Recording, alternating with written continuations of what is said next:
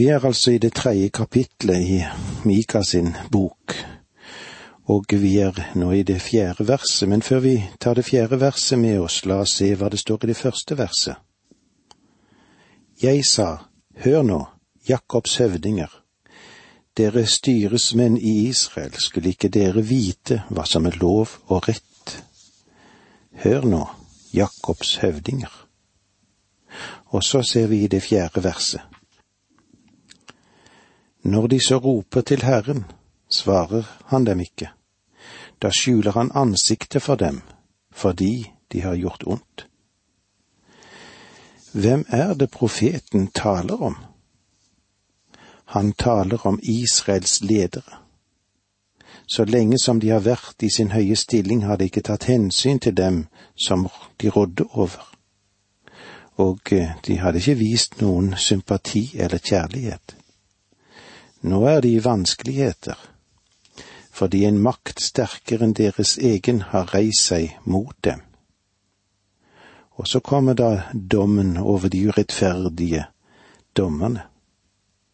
Høvdingene, de som også skulle være dommer og håndheve rett og rettferdighet, de hadde flådd huden av folk. Deres urettferdighet ville føre til at en ikke kunne skjelne mellom godt og ondt. Synden ikke bare sårer samvittigheten, men den formørker også forstanden. Straffen ville stå i et forhold til skylden. Slik de hadde lukket ørene for de undertrykkedes skrik, så ville altså Gud nekte å høre på dem. De falske profetene hadde med viten og vilje villedet folket. Deres eneste ønske var å skaffe seg selv mat. De forkynte fred for de som husket på dem, og krig for dem som sto imot dem. Derfor skulle de ikke få syner. Guds ånd ville ikke virke iblant dem. Det er stor forskjell på disse og på Mika. Han talte med en åndelig kraft. Og om det kunne være slik at hver eneste Herrens tjener forkynte Kristi evangelium, og var i stand til å få dette frem, slik som det òg står i det åttende verset her i kapittel tre. Men jeg, jeg er full av styrke av Herrens ånd, av rett og av kraft, så jeg kan tale til Jakob om det onde han har gjort, til Israel om hans synd. Det er vår egen samvittighet ved Den hellige ånd, dette. Når de så roper til Herren, svarer han dem ikke. Disse lederne vil rope til Herren. Det er ganske interessant. Vi kaller alle på Gud når vi er i virkelig krise og i vanskeligheter. Jeg må si at det av og til virker noe fornøyelig, ja, han kan nesten smile. Kanskje at en ikke skulle gjøre det, men jeg kan ikke hjelpe for det. Det er slik når vi hører noen si i forbindelse med et dypt menneskelig problem. Må Gud hjelpe oss. Det er interessant fordi det har bukket ham ut av hans eget univers for mange år siden. Eller hvordan ser du på det? Gud, han blir ikke så mye nevnt i dag unntatt når det gjelder den tankeløse språkbruken som mange mennesker bruker. Men nå og da blir han faktisk nevnt. Nå vet ikke jeg hvordan det er med deg, om du vil høre på ham eller ikke. For på Mikas tid sa han til mennesker som hadde oversett ham, og de som levde sitt gudløse liv, at eh, han ikke ville høre deres rop om hjelp, Faktisk så sa han at han ville skjule sitt ansikt for dem. Vi lever i en periode nå der Gud er ganske taus. Det ser ikke ut til at Gud gjør så mye for å lette presset på verdens situasjon heller. Og likevel er Hans nåde så høye som himmelen, og han er rik på miskunnhet for dem som vil bøye seg for ham og ta imot Hans Sønn som frelser. Vi går nå litt videre og ser på profetenes synder. Vers fem. Så sier Herren om de profeter som fører mitt folk på villspor, som forkynner fred og lykke bare de får noe å tygge på, men lyser hellig krig mot dem som ikke gir dem munnfull. Disse falske profetene var som ondskapsfulle dyr eller som slanger med sine kløvete tunger. Fulle av gift, Faktisk var de verre enn det de var for å bruke søte ord for å trøste folket.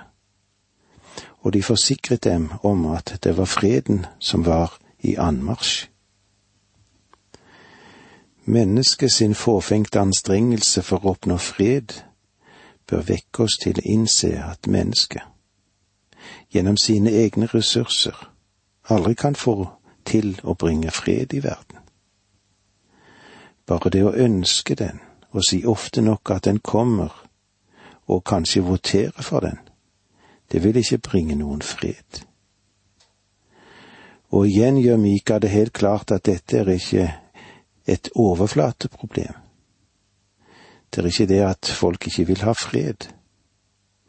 Problemet er at hjertet er ondt og Jesaja, som var samtidig med Mika, han skrev det på denne måten i Jesaja 57, 21.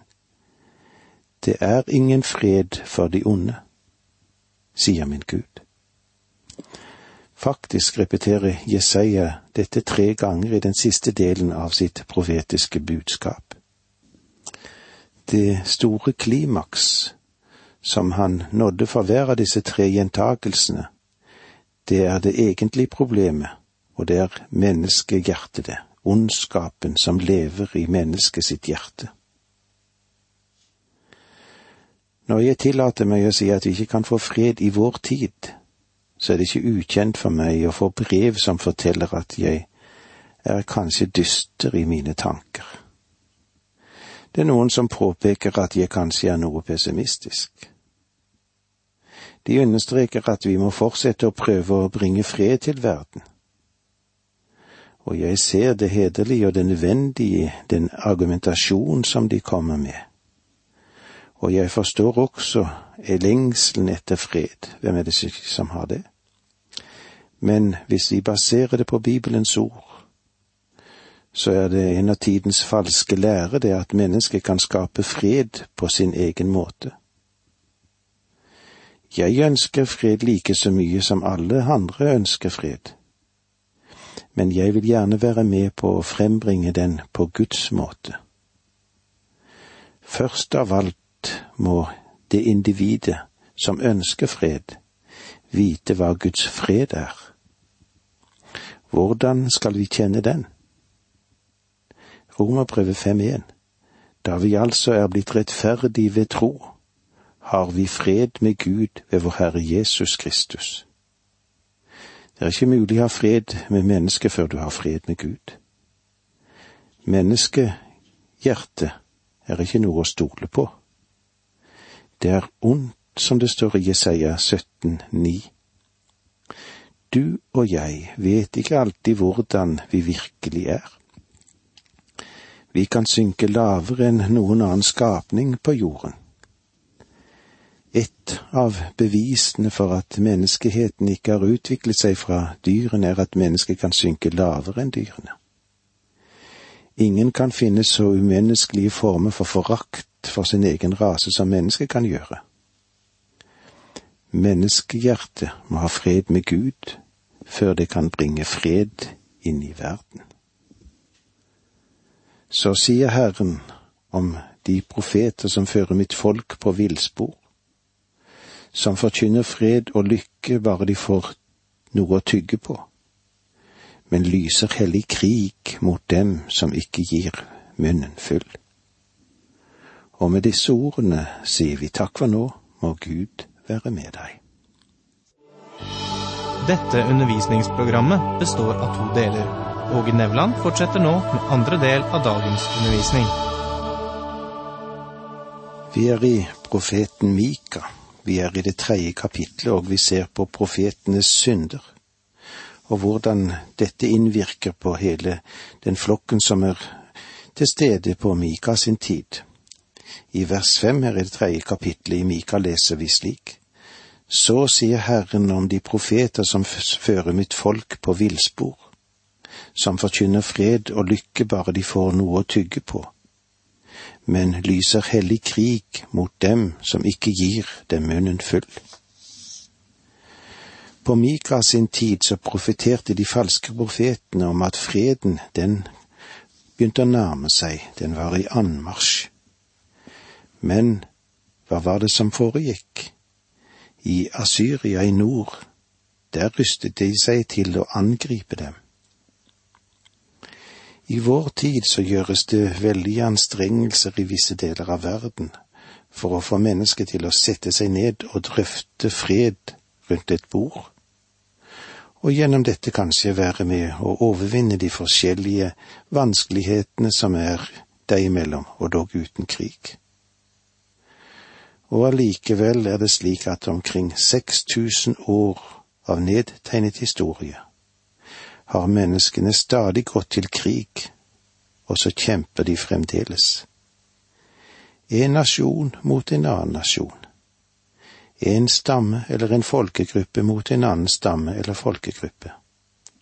En familie mot en annen familie. Et menneske mot et annet menneske. Hvorfor gjør vi dette? Vi vet at det ikke er til noen fordel om vi ser dette fra alle kanter og sider. Men vi gjør det fordi vi er fremmedgjort for Gud, og vi er i opprør mot ham. Vi tar oss ikke tid til eller har mot til å møte det virkelige problemet, men lytter til de livlige ordene fra falske profeter som proklamerer en fred som aldri kommer. Fordi det de gjør, de forkynner at Gud er den som skaper vanskeligheter. Og eh, nå er det noe spesielt som er under oppseiling, og nå skal det også nå dem. Nå skal vi se hva det står i det sjette verset i kapittel tre i Mika. Derfor skal det komme over dere en natt uten syner og mørke uten spådom. Solen skal synke for profeten, og dagen blir mørk omkring dem. Derfor skal det komme over dere en natt uten syner. Som vi har sett i de andre profetbøkene, taler mørket alltid om dom. Det taler om dom på to forskjellige måter. Det direkte inngrep fra Guds side der den skyldige ble tuktet, men også ved at Gud er taus og ikke gir mennesket noen åpenbaring eller rettledning en natt uten syner. Det vil si, Gud vil ikke åpenbare ny sannhet for deg. Og mørke uten spådom. Den dom som nærmer seg, kalles mørket. Det vil ikke komme noe lys fra ordet fra Gud. All profeti skal stanse. I Det nye testamentet henviser apostelen Paulus til dette i første Korinterbrev 13,8. Kjærligheten faller aldri bort. De profetiske gaver skal opphøre. Ordet opphøre er det greske ordet ekpipto, som betyr å falle bort eller vekk. Profeten vil falle bort på to måter. Det første er de vil bli fullbyrdet. Og det andre, Gud vil ikke lenger åpenbare noe nytt.